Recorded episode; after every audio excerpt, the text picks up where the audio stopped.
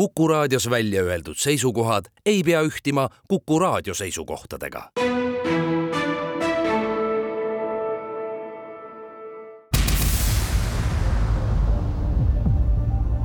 käsi pulsil, pulsil, pulsil, pulsil.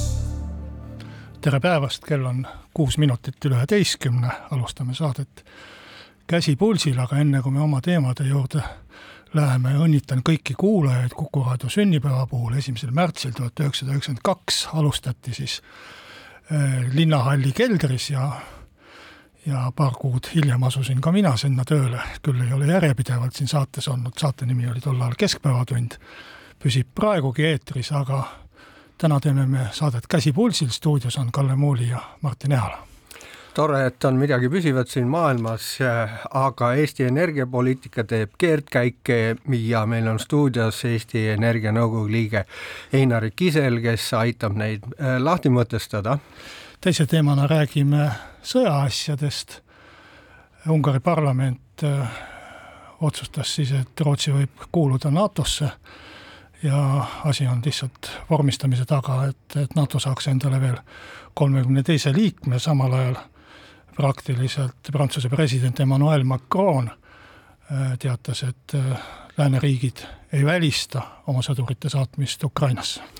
ja seejärel arutame seda, et Narvas vahetati eile välja haiglajuht ja, ja see viis, kuidas see toimus ja need põhjused, miks see toimus, on nagu suhteliselt segased ja ma ei ole nagu põhjani aru saanudki veel. no püüame saate jooksul. Äh, ja viimase teemana siis arutame natuke Eesti kahesaja siseelu, äh, seal mõned tülid raha ja eelarve pärast juhatuses ja üks juhatuse liige, Kalev Stoicescu isegi astus tagasi.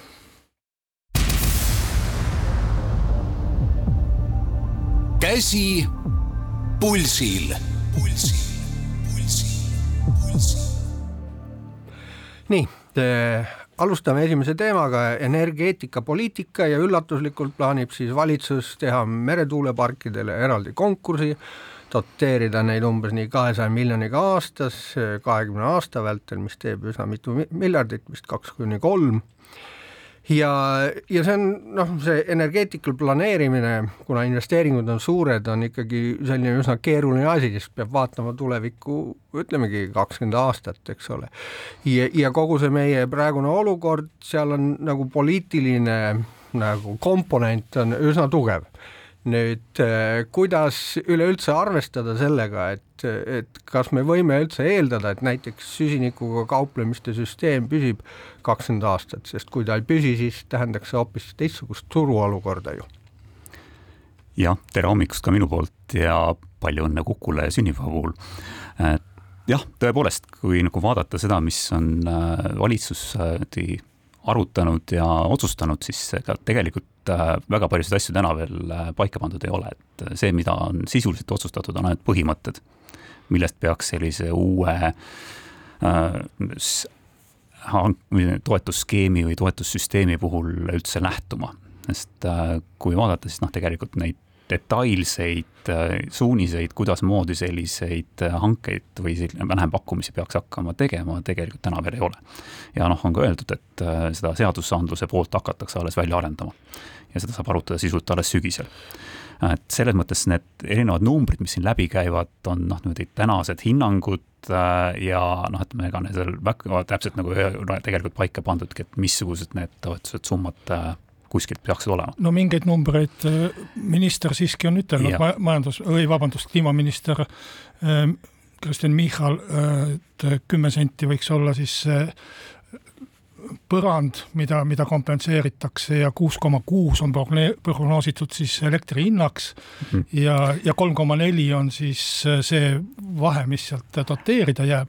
aga, aga ma see, see on tegelikult ju päris suur kannapööre nende inimeste jaoks, kes on seda protsessi jälginud. kogu aeg on ju äh, kliimaministeerium äh, ja, ja varem Majandusministeerium väitnud, et äh, meretuulepargid võib-olla et üldse ei peaks olema ja, ja võib-olla, et ei peaks olema siis vähemalt dotatsiooni, maismaaparkidega saab kõik kaetud.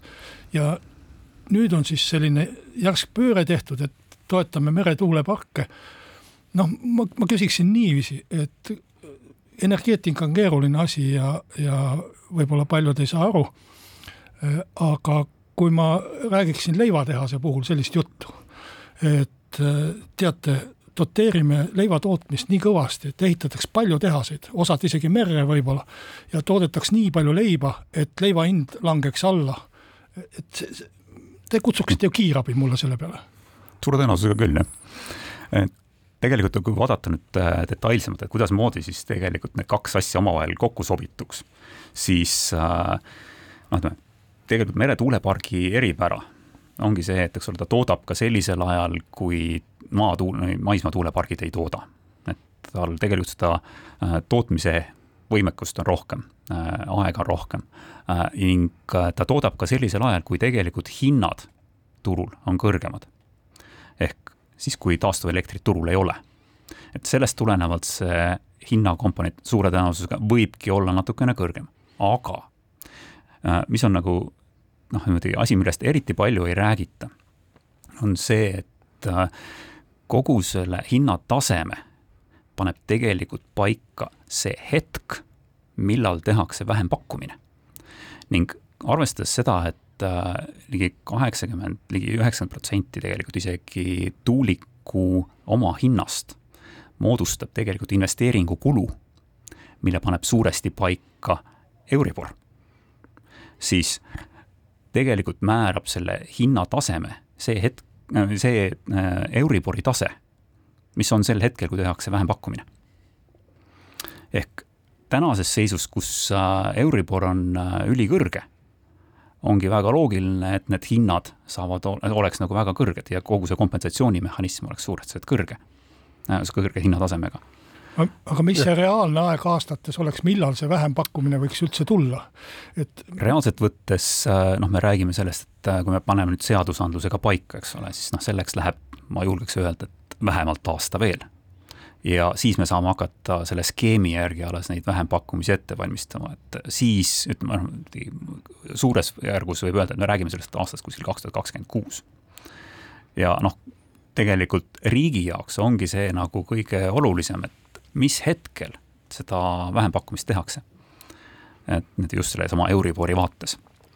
sellest tulenevalt sõltub see, missugune saab see olema elektri äh, nii-öelda toetusskeemi äh, hinnatase järgmised kakskümmend aastat. okei okay., see eh, tundub kõik suhteliselt riskantne värk, sest me ju ei tea, milline on Euribor näiteks aasta või kahe pärast, see võib olla madalam, loodetavasti kõik loodavad, aga ei pruugi, nüüd asjal on nagu teine nüanss ka veel juures, isegi kui meretuulepark on selles mõttes nagu tootlikum kui maismaapark, et et kui maismaal on tuult vähem, merel ikka natuke on aga päris kindlasti on selliseid aegu ka, kus ei maismaa ega mereomad ei tööta kuigi suure kasuteguriga, ehk siis eh, see tähendab nüüd seda, et kui tuult on, siis me kompenseerime neile ikkagi eh, selle hinnapõranda, eh, muidu oleks hind liiga madal, kui tuult ei ole, siis tarbija maksab ikkagi võib-olla seal kakskümmend senti või kolmkümmend senti, sellepärast et tuulikud ei tööta, mis tähendab, meil on vaja ju ka neid salvestusvõimsusi. Ja kui ma siin nagu mõtlesin, et see tuuleparke rajatakse selleks, et meil võib-olla kunagi on kuusteist teravatt-tundi vaja aastas äh, voolu, siis ööpäevas, ma tegin sellise mingisuguse arvutuse, et, et kui ööpäevas tuult ei puhu, siis oleks viiskümmend gigavatt-tundi vaja äh, leida kuskilt mujalt ja mõelge, kui nüüd üks äh, salvesti noh, nagu seal Paldiskis tehakse, on äh, on kuskil, mis ma seal vaatasin, kuus gigavatt-tundi, siis tähendab, meil oleks vaja kümme või viisteist sellist salvestit. aga sellest ei räägi keegi midagi või on see plaanis? Nii suurt äh, salvestusvõimsust kindlasti plaanis ei ole, et äh, noh, olgem ausad, äh, salvestitega üksi ei päästa nagu seda olukorda kindlasti. millega siis päästab?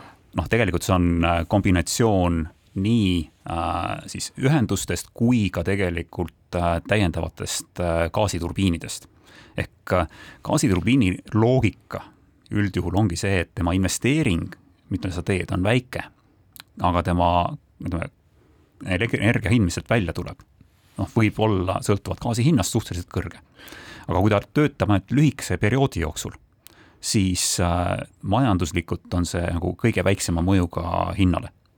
noh, tegelikult kui me vaatame ka tänast äh, turuolukorda, siis äh, noh, jällegi, eks ole, me jõuame ka selleni, et noh, mispärast nagu Narva jaamad turule ei pääse, tegelikult selle taga ongi see, et gaasi hind on täna nii madal, et Leedu gaasijaamad on need, mis täna tegelikult turgu määravad. Ehk tänu sellele, et see gaasi hind ja ka CO2 hind on alla tulnud äh,, ei mahu tegelikult turule mitte Narva jaamad, vaid lähevad selle asemel sinna hoopiski gaasijaamad Leedust. samas paar aastat tagasi oli gaasi hind kõige kõrgem Täpselt. üldse, mis vähegi olla sai ja nagu, nagu gaasijaamad turule tulid, nii oli neli tuhat oli seal ja see ongi nagu hinnaks nagu,. see ongi täpselt see, et me peame nagu leidma selle, et äh, ütleme, mitte ainult gaasiturbiinid ei päästa seda olukorda, siis ongi see, et sul on kõrval peavad olema ka need ühendused erinevate riikidega, pluss tegelikult siis ka nad mingis võimsuses ka Narva jaamad veel. aga ma küsiks sellise äh, lihtsama küsimuse, et, et äh, kui riik on juba või, või Euroopa Liit on juba nii tugevasti energiaturgu äh, sekkunud ja, ja tegelikult me turust nagu rääkida ei saa, kui meil on saastekvoodid, kui meil on doteerimised, laed ja põrandad et miks riik ise seda meretuuleparki siis ei ehita? hea küsimus, aga noh, ütleme, seal ongi see, et päeva lõpuks see tähendab seda, et riik peab hakkama kuskilt äh, kapitali võtma, investeerima ja noh, tegelikult äh, riik ei ole nagu see, kes seal turul äh, noh, niimoodi hinda peaks tegelikult kuidagi mõjutama. noh, okei okay,, täna on niimoodi üks turuosaline, eks ole, on ka Enefit Green, kes seda meretuuleparki potentsiaalselt võib hakata ehitama noh, jällegi, eks ole, seal on äh, riigi osalus on küll olemas, aga ta annab sisult nagu sellise strateegilise mõõtme kohe sinna juurde, et äh, riigil noh, on sisult huvi ka sellist äh, asja arendada. Et kui ma kuulan seda juttu gaasijaamadest, see on igati loogiline, aga samas tundub tõesti, et gaasi hind oli kõrge, nüüd on madal, me ei tea, milline ta on edaspidi, sest tarnijad on Venemaa on osa ja siis on, on see LNG, mis tuleb võib-olla Ameerikast. Ja kui nüüd võrrelda neid erinevaid ähm, energia tootmisviise, äh, tuulikud, päiksepargid, äh, gaasijaamad, kivisüsi ja tuumaenergia, siis mulle tundub, et, et tuumaenergial sellist nagu hinnakõikumise probleem on tõenäoliselt nagu kõige väiksem vast tuumaga on tegelikult täpselt samasugune probleem, nagu on äh, meretuuleparkidega. Euribor. ehk äh, kui vaadata viimaseid hinnanguid, mida on tehtud tuumajaamade nii-öelda täiskulu kohta, siis äh, tuumajaama elektri keskmine hind algab, noh, täiskuluna algab kuskil saja kolmekümnest, saja neljakümnest eurost megavatt-tunnist ja need on suured tuumajaamad et noh, täna, kui me võtame seda, et Eesti eelmise aasta keskmine elektri hind oli üheksakümmend eurot megavatt-tunnist, siis see tuumajaam lihtsalt ei mahuks isegi Eestis turule jah, aga kui tu nüüd... tuumajaama me seisma vist ei saa panna või no, tuumajaama... ei ole väga mõttekas? põhimõtteliselt on võimalik seisma ka panna, teda võimalik alla koormata mingiks perioodiks mm.. aga noh, ta ei ole nagu juhitav eriti, et äh, teda üldjuhul tema koormust muudetakse kord päevas. Aga kui eh, vaadata nüüd sedasama Euribori küsimust, siis Euribor ju mõjutab ühtlaselt nii hästi tuulepargi rajamist eh, kui mis tahes teist eh, energiajaama rajamist, et aga samas tuul on suhteliselt ennustamatu asi, aga tuumareaktsioon on väga stabiilne asi, et miks, miks nende kahe vahel valides tundub see tuulepark olevat kuidagi mõistlikum siis? olgem ausad, tegelikult juba täna on äh, Baltimaade turul umbes tuhat seitsesada megavatti tuumaenergiat no., mis tuleb Soomest ja Rootsist. ja see katab tegelikult Baltimaade baaskoormust. Äh, tuumajaam on mõistlik siis, kui ta suudab olla niimoodi pidevalt turul, tootagi täismahus.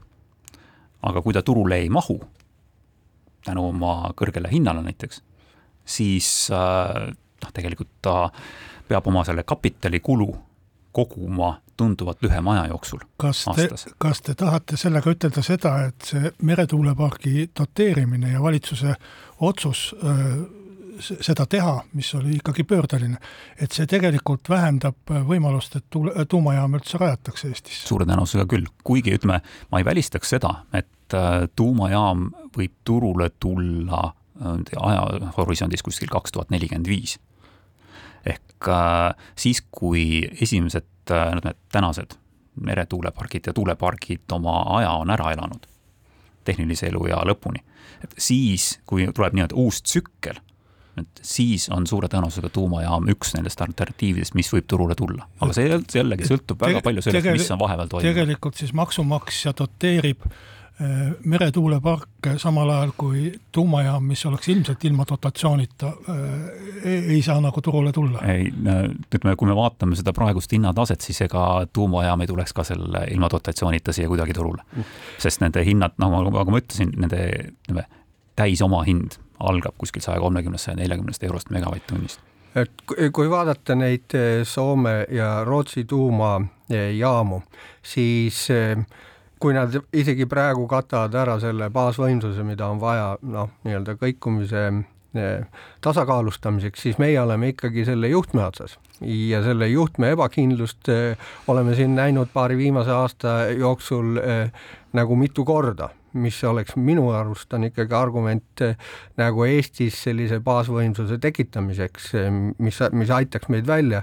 ja, ja, ja mu otsene küsimus siit ka juurde on, et eh, et kui praegu siis olemasolevad tuumajaamad seda baasvõimsust tagavad, aga kui me vaatame siis plaane, neid samu kuusteist teravatt-tundi energiat aastas, siis, siis tõenäoliselt on meil vaja seda baasvõimsust ka poole rohkem kui suurendame poole võrra äh, siis tarbimist hmm.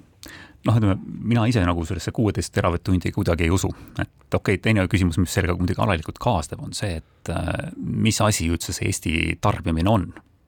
et äh, kui te, kui te ise nagu defineeriks, kuidasmoodi teie mõõdate Eesti elektritarbimist? no kogu tööstus, kogu elanikkond, ma, ma võtaks seda nii. kaod? jah, võrgukaod kindlasti. kas salvestus on tarbimine või tootmine? noh, seal on äh, kulu, eks ole, et sa kulutad energiat selleks, et äh, laadida salvesti täis ja Just, pärast sa saad. kas see läheb tarbimise hulka või mitte? see kulum, mis sa salvestit laed, läheb ikkagi tarbimise hulka, ma ütleks jah, okei okay,, pärast sa toodad seda tegelikult, eks ole. jah, toodad tagasi ja osa läheb kaduma äh,. järelikult äh,, kui salvesti väga suures mahus salvestab, siis tegelikult see viib just nagu tarbimise ülesse.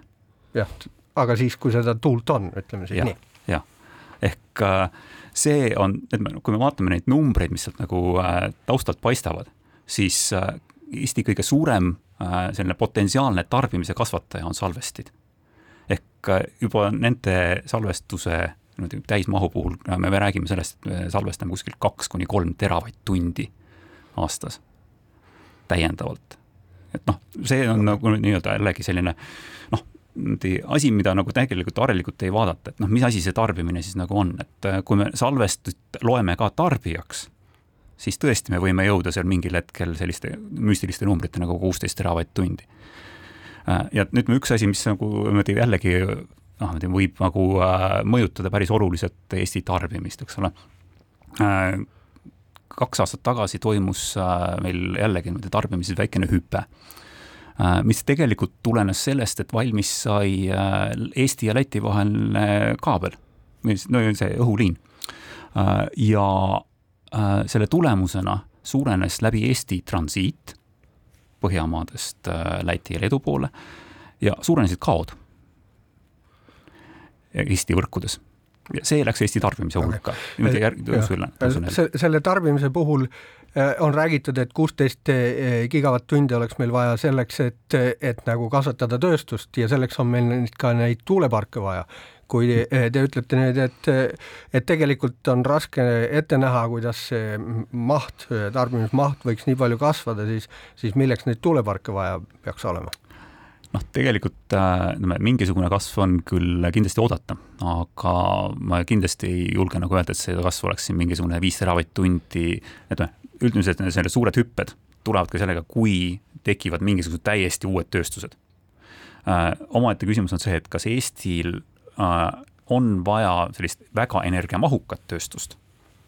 et kas äh, Eesti jaoks, selline asi on, kui me vaatame nagu Põhjamaade näiteid, siis nende energiamahukad tööstused baseeruvad tegelikult kohaliku toorme või mingisuguse maagi töötlemisel.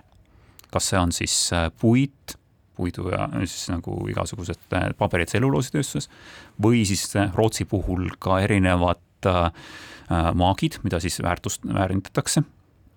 noh, kaevandatakse, see tähendab tegelikult seda, et meil on vaja mingisuguseid täiesti uusi äh, maardlaid ja uusi maavarasid, mida siis ka hakatakse kaevandama. energiateema on nii huvitav, et me võiksimegi jääda siia rääkima, aga vahepeal peame teenima raha nende energiakulude katteks, mis me siin kulutame. aga ma küsiksin lõpetuseks ühe sellise lühikese küsimuse, millel võib-olla Eesti Energia Nõukogu liikmel on keeruline vastata mõningatel põhjustel, aga mis te arvate, kas see valitsuse kannapööre meretuuleparkide doteerimiseks oli tingitud eh, objektiivsest analüüsist, numbritest, majandusest või sellest, et, et mõni poliitiline jõud seisab mõnele eh, energiaettevõttele lähemal kui teisele? tõepoolest nüüd Eesti Energia Nõukogu liikmena sellele küsimusele väga keeruline vastata. et äh, ma jätaks nagu selle vastuse niimoodi lihtsalt õhku, et äh, noh. ka, ka mittevastamine on vastus muide. aga aitäh, Einar Kiser, äh, teeme nüüd reklaamipausi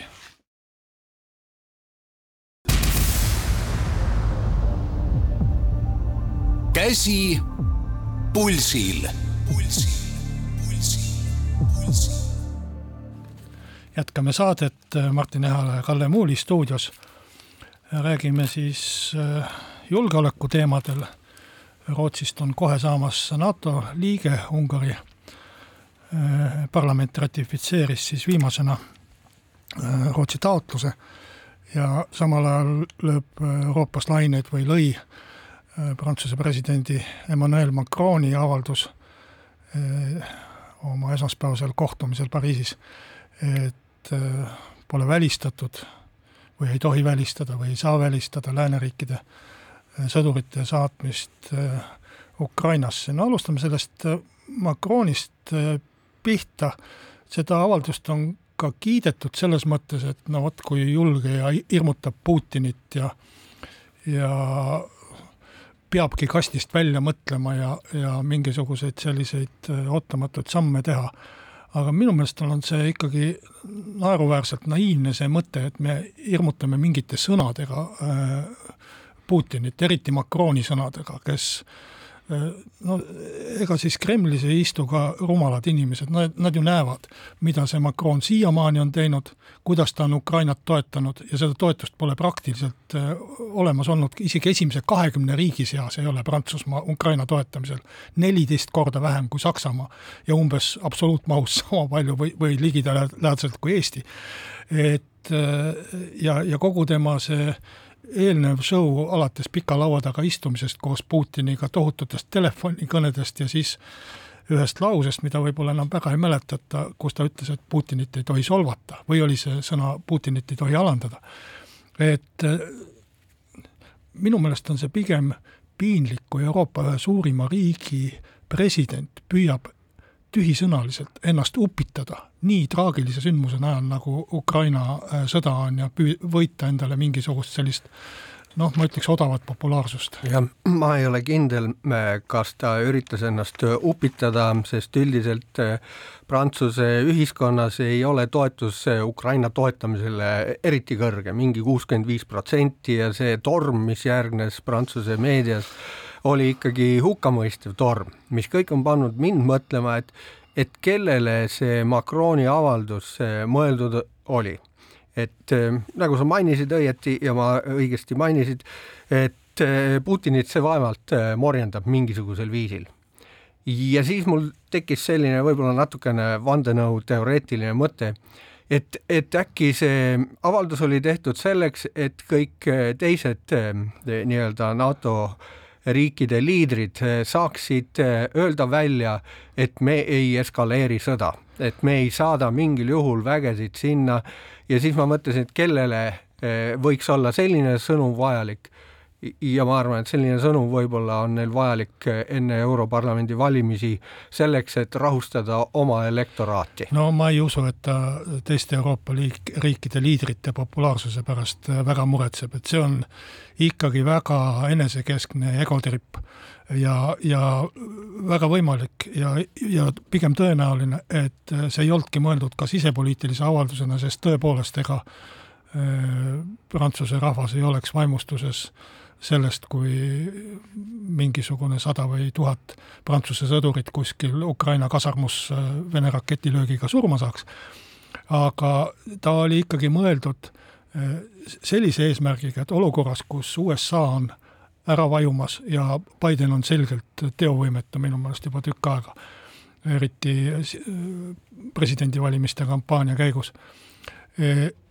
Ja, ja olukorras, kus äh, Saksamaa kantsler on äsja teatanud, et ta Taurusi ikkagi ei julge neid kaugmaarakette saata Ukrainasse, et mine tea, äkki me eskaleerime jälle sõda. et sellises olukorras haarata selline, näidata ennast Euroopa liidrina, suure juhina ja, ja seda just ikkagi noh, Euroopa Liidu piires, mitte, mitte selles mõttes, et mis tal seal kodus toimub. ma, ma ei usu seda kohe mitte ja miks ma ei usu, sellepärast et sellisel tasemel peaksid olema kommunikatsioonieksperdid eh, sul ümber, kes analüüsivad su sõnumi mõju. ja see, mis välja tuli, see, et tema tegi selle avalduse, tema oma ühiskond mõistis selle hukka, eh, liitlased ütlesid ei, midagi me sellist ei tee eh, tulemus oli risti vastupidine, nii et kui ta arvas, et ta teeb mingi jõulise sammu, siis tegelikult tuli välja nii-öelda jõuetussamm ja no. seda oleks pidanud ette nägema, iga mõistlik kommunikatsiooniinimene oleks suutnud seda ju ette näha. jah, aga ta sai ikkagi äh, selle oma viis sekundit kuulsust ja, ja, ja enda meelest julge, julge väljaütlemise. aga miks ma nii arvan ja, ja sina nii ei arva või mille, millele sa vastu vaidled, äh, seal kohtumisel oli ka teine sõnum, mille ta edastas ja, ja see nagu kinnitab seda minu versiooni ja teine sõnum oli, eh, et luuakse uus koalitsioon eh, Ukraina varustamiseks kaugmaarakettide ja laskemoonaga. ehk siis ta tahab ilmselt enda juhtimisel saada mingit, mingit uut kogumit, võib-olla siis nendest riikidest, kelle ta kutsus ja. sinna Pariisi ja kes seal käisid, Eesti oli nende seas peaministri isikus, et, et ja ta lubas seda teha väga lühikese tähtaja jooksul, vist oli nädal see.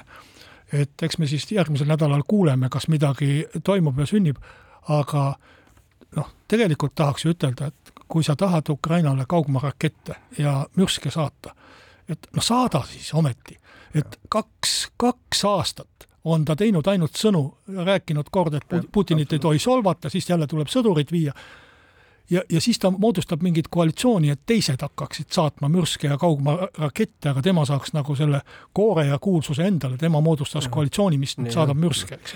nojah, geopoliitilisi avaldusi on ju teisi ka nüüd äsja tehtud, kui Rootsi sai NATO-sse, siis selle peale ju Putin pidas oma kõnes, pühendas ka tähelepanu sellele, et nad peavad hakkama nüüd koondama oma vägesid, välja arendama läänepiiri juures. Ja, ja tõenäoliselt see on nagu asjalik sõnum, et seda nad tõesti peavad äh, äh, tegema. no see, see Rootsi liitumine NATO-ga ja Soome äh, enne seda, see on ikkagi kordades, kümnetes kordades Venemaa jaoks valusam ja olulisem nagu kui sellest, kui Macron mingi koalitsiooni moodustab või mingeid oma edevaid avaldusi teeb.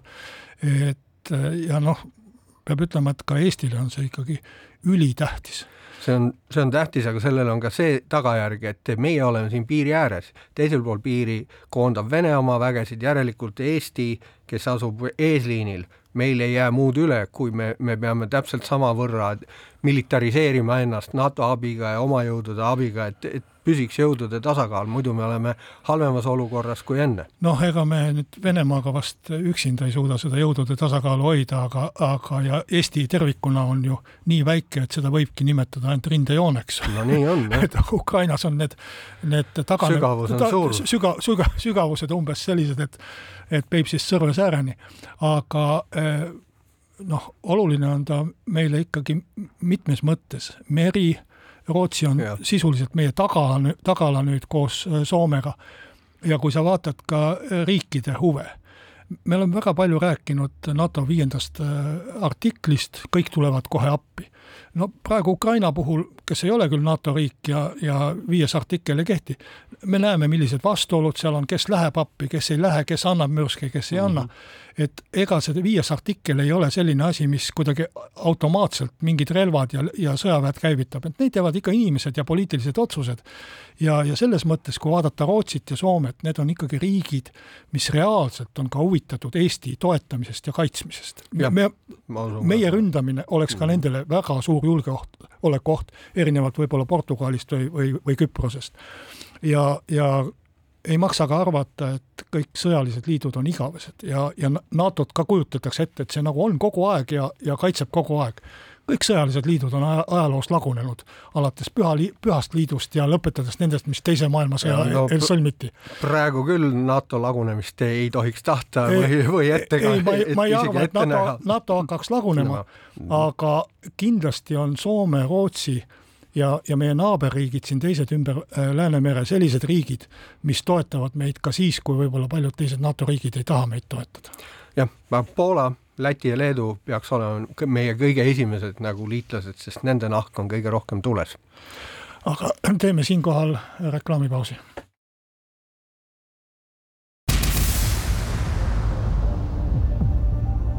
käsi pulsil. pulsil, pulsil, pulsil. Stuudios on Kalle Muuli ja Martin Ehala.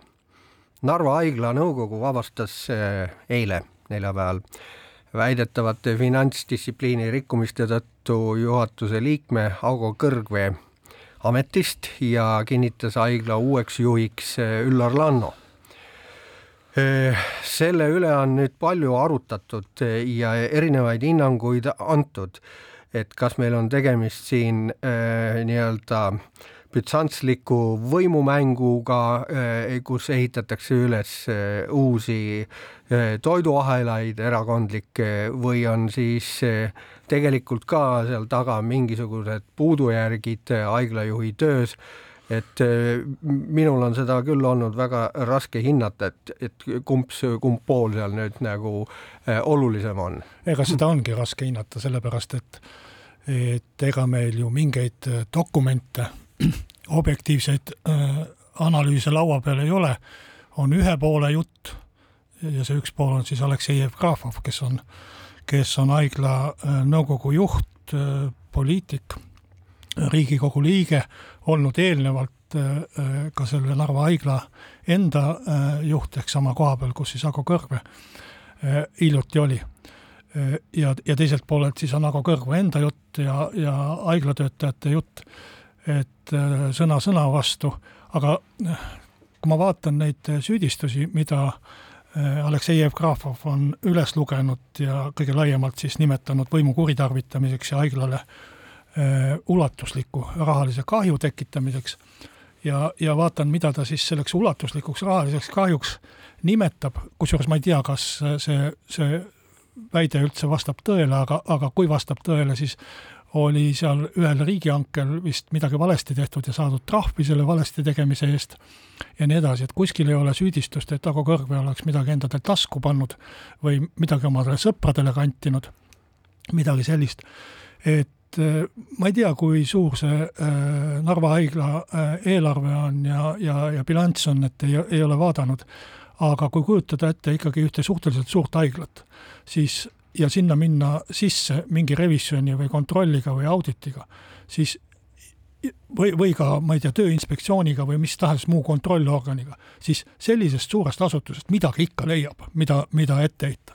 ja mulle tundub küll vähemalt nende süüdistuste põhjal, mis suuliselt on kõlanud, et see ongi mingil põhjusel siis otsitud kokku, mida on viimasest aastast äh, vähegi leida olnud, et kui me mõtleme riigihangete peale, hiljaaegu oli siin äh, üle-eelmise haridusministri ajal oli mingi viie miljoni tuuris äh, hange, mis tehti valesti või jäeti toimimata ja mitte midagi ei juhtunud, mingit kriminaalasja ega midagi ei, toimunud.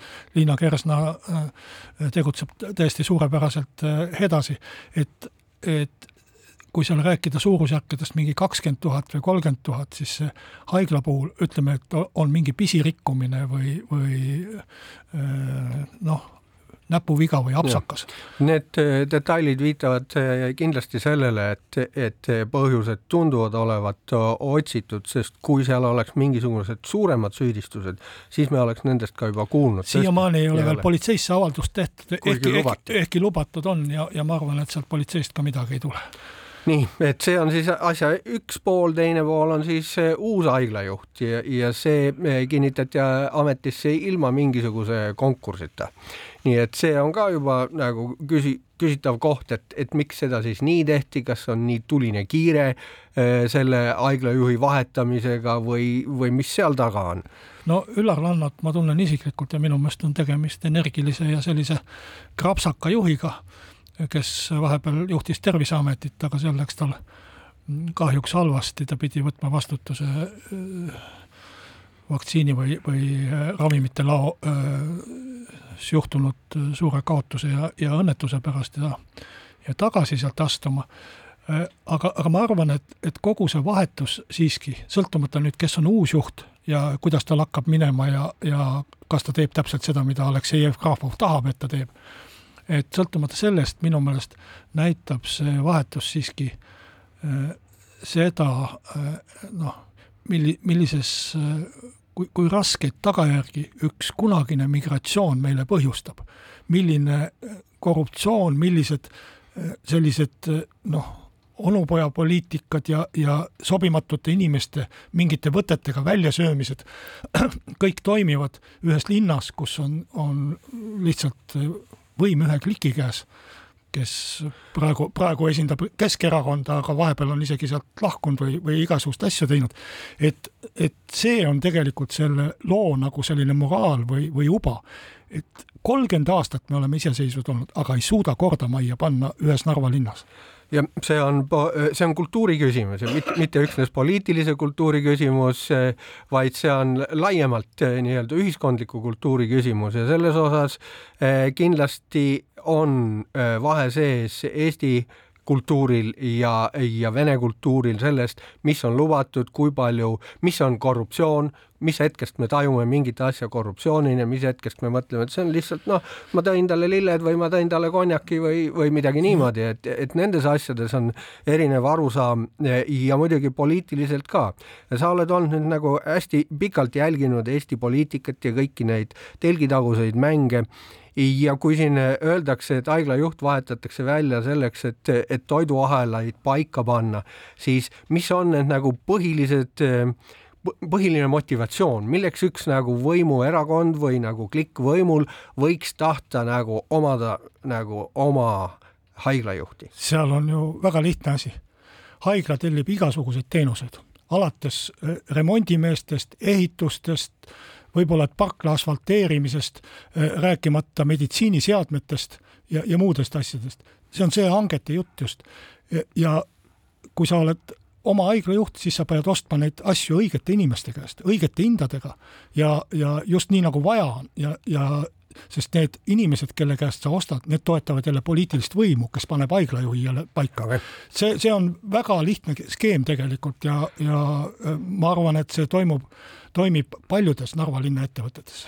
kui sa seda niimoodi räägid, siis mul tekib küsimus, et eh, kas seda ei ole võimalik kuidagi tuvastada, sest sellisel juhul ma ju haistan siin selget korruptsiooniohtu, kui, kui mängitakse tellimusi kindlatele ettevõtetele, kui sa ütled, et see toimub Narvas ja me ei saa seda Narvas välja juurida, siis ma küsin, et kas see äkki ei toimu ka Tallinnas või Tartus täpselt samamoodi.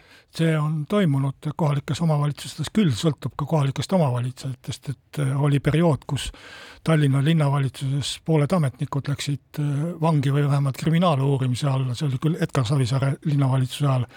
et selliseid asju on ka teistes kohalikes omavalitsustes olnud, aga aga, aga Narvas ta kipub olema tõesti teatud mingisuguse sellise noh, ma ei taha rahvusepõhiselt ütelda, aga, aga ikkagi mingi jah, kultuuripõhiselt või sellise, ei leiagi praegu siin õiget äh, sõna, et mujal on ta sõltunud ikkagi nii, et kui on olnud äh, mingisugune selline korruptsioonikalduvustega juht, siis ta on tekitanud sellise olukorra. aga Narvas tundub nii, et, et need isikud võivad isegi vahetuda, aga klikk ja maffia on üks ja sama. ja, ja, Eesti riik ei suuda sellele piiri panna, siis tundub nii, kui ikkagi üritatakse vahetada välja no, äh, juhte. mujal Või..., mujal otsustaks valija, aga seal ja. kahjuks valija ei otsusta. aga sa just ütlesid, et sa tunned äh, Üllar Lannot isiklikult, et kas ta võib olla selline inimene, kes võiks olla meeldiv haiglajuht siis Narva võimuklikile? seda ma ei oska ütelda, et ma ei tahaks kellegi eest käsi, kätt piiblile panna ja, ja veel enam mürki võtta, aga minu koostöökogemused temaga on positiivsed olnud ja, äh, ja head olnud, nii et mul midagi isegi kui tahaks midagi halba ütelda, aga ma ei taha, aga isegi kui tahaks, ei ole midagi halba ütelda nojah, ega siis vist ei jää ka palju muud üle, kui tuleb oodata ja vaadata, mismoodi Narva äh, haigla areng edasi hakkab kulgema, mine tea, äkki, äkki läheb järjest paremaks ja otsus oligi õige. aga teeme siin ühe reklaamipausi.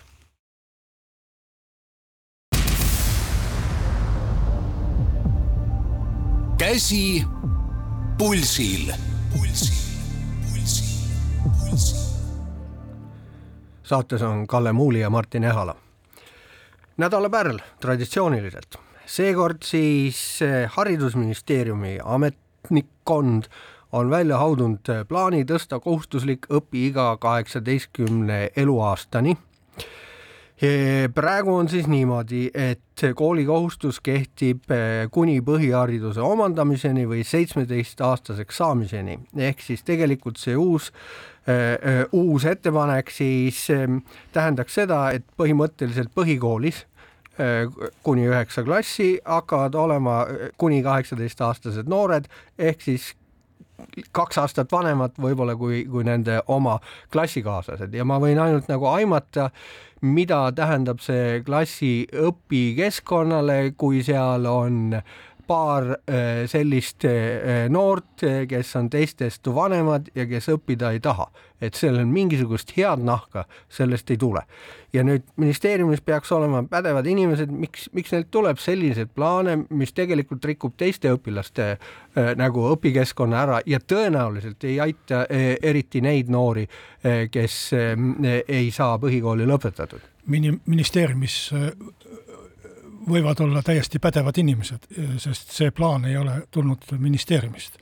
see plaan on koalitsioonilepingus kirjas ja see on tulnud Eesti kahesajast pärit haridusministri, no ma ei tea, kuskohast, peast või mõnest teisest organist, et võin ütelda, et kõik uus on hästi unustatud vana, juba kaks tuhat kuusteist aastal, kui moodustasid koalitsiooni Keskerakond, Isamaa ja sotsid, kirjutati koalitsioonilepingusse seesama asi sisse.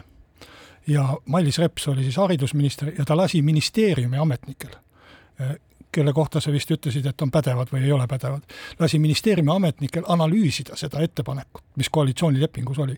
ja seal jõuti järeldusele, et sellest ei ole tulu mitte mingit seesama Haridusministeerium, mis ja. nüüd seda hakkab tegema, jõudis sellisele järeldusele, et tuleks terviklik ja kompleksne ja paljusid teisi ministeeriumeid hõlmav plaan teha selleks, et neid noori aidata. ja et ainult sellest kaheksateistkümne aastaseni tõstmisest ei ole kasu ja selle tõttu koalitsioon ja haridusminister Mailis Reps jätsid selle ära nii, aga, aga miks siis nüüd uus valitsus ja uus haridusminister on nii palju võimekam, et äh, haridusministeerium ei suuda äh, seda plaani teist korda tagasi lükata? ma küsiksin selle kohta, et kas on tehtud uus analüüs ja mida see näitab, aga, aga seda analüüsi ei ole ja seda ei tehtud ka enne koalitsioonilepingu sõlmimist.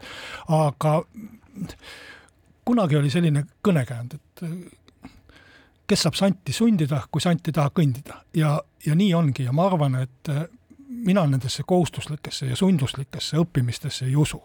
et isegi, kui see laps on seal äh, kaks aastat vanem või kolm aastat vanem, kui ta ei ole sinnamaani, seitsmeteistkümnenda eluaastani tahtnud õppida ja on igatpidi suutnud sellest ära vingerdada, et kool lõpetada, et äh, siis ta ei, ei, ei õpi ka kaheksateistkümnendani, et me kulutame lihtsalt ühe hulga raha ära ja, ja ongi kogu lugu ja vaevame inimest veel mitte ainult inimest, vaid, vaid mitut inimest, kaasa arvatud õpetajaid, kes seda peavad läbi vedama.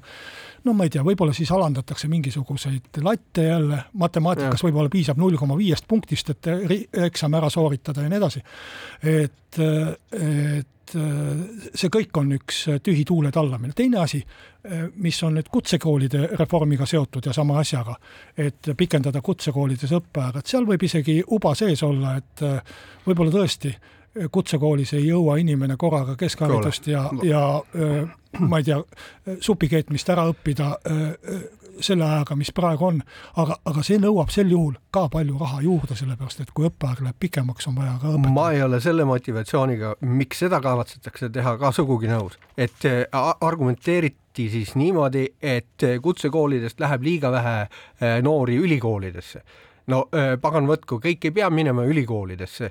miks üritatakse siis inimese, kes omandab kutse, miks üritatakse teda öelda, et mine nüüd ülikooli, õpi bakalaureuse veel mingisugust üldist filosoofilist asja juurde, et siin ei, tundub, et siin ei ole nagu loogikat. ei, selle, selles ei ole loogikat, et kutsekoolist peaks ülikooli minema ja, ja pole ka loogikat äh, selles, et, et praegu käivad kutsekoolis põhiliselt äh, sellised keskealised inimesed, kes on juba ammu kõrghariduse omandanud ja käivad aiandust õppima selleks, et kodus potipõllundusega edeneda, aga, aga jätaks selle hariduse praegu äh, sinnapaika, et äh, näis, kuidas sellega läheb, aga vaataks, mis seal Eesti kahesaja ehk sellesama erakonna sees äh, toimub, mis seda suurt äh, haridusreformi nüüd läbi viib, et äh, juhatus äh, Äh, oli tülis äh, erakonna eelarve vastuvõtmise üle, paar inimest seal äh, protesteerisid kõvasti, kusjuures ma ei tea täpselt, milliste eelarvekulutuste vastu või mida seal kahtlustati, aga las ta jääb siis siseasjaks, aga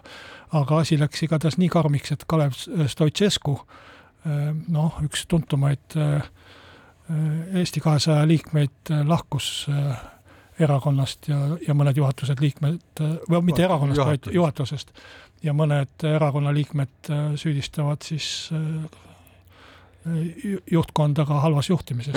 no see tundub olevat äh, selline tüüpiline erakonna laste haigus, et piisavalt noor erakond ja küll ta on juba tegelikult vana ja toimis suhteliselt hästi valimiste vahelisel ajal, kui tal võimu ei olnud nüüd enne valimisi väga palju uusi liikmeid tuli ja tegelikult need hierarhiad ja võimusuhted ei ole omavahel nagu eh, selgeks vaieldud ja tõenäoliselt tulebki selgeks vaielda, aga nüüd küsimus on, et kas see laste haigus, mis neil seal praegu on, ega see ei ole mitte kogemata laste halvatus, mis neid eh, hoopis eh, paralüseerib edaspidiseks, arvestades veel ka, et nende reiting on praegu ikkagi allapoole valimiskünnist, nii et mine tea, kuidas see asi neil üleüldse välja tuleb, võib-olla aitab kaasa nende hääbumisele hoopis. no selge see, et kui juhatuses on vastuolud ja, ja tülid, et siis äh, on ka juhtimine suhteliselt keeruline. Et ma, ma selliseks paralüüsiks seda võib-olla et ei nimetaks, aga, aga küll on see iseloomulik noh, kõikidele uutele erakondadele. esiteks, et sellega tuleb palju kaasajooksikuid kes äh, varem või hiljem pettuvad selles samas erakonnas, teiseks tuleb ka selliseid kaasajooksikuid, kes on ebaausad, me nägime siin Johanna-Maria Lehtmet, kes tulevad mingit saama, mingi saamaimu peale välja ja, ja, ja, ja valetama ja varastama.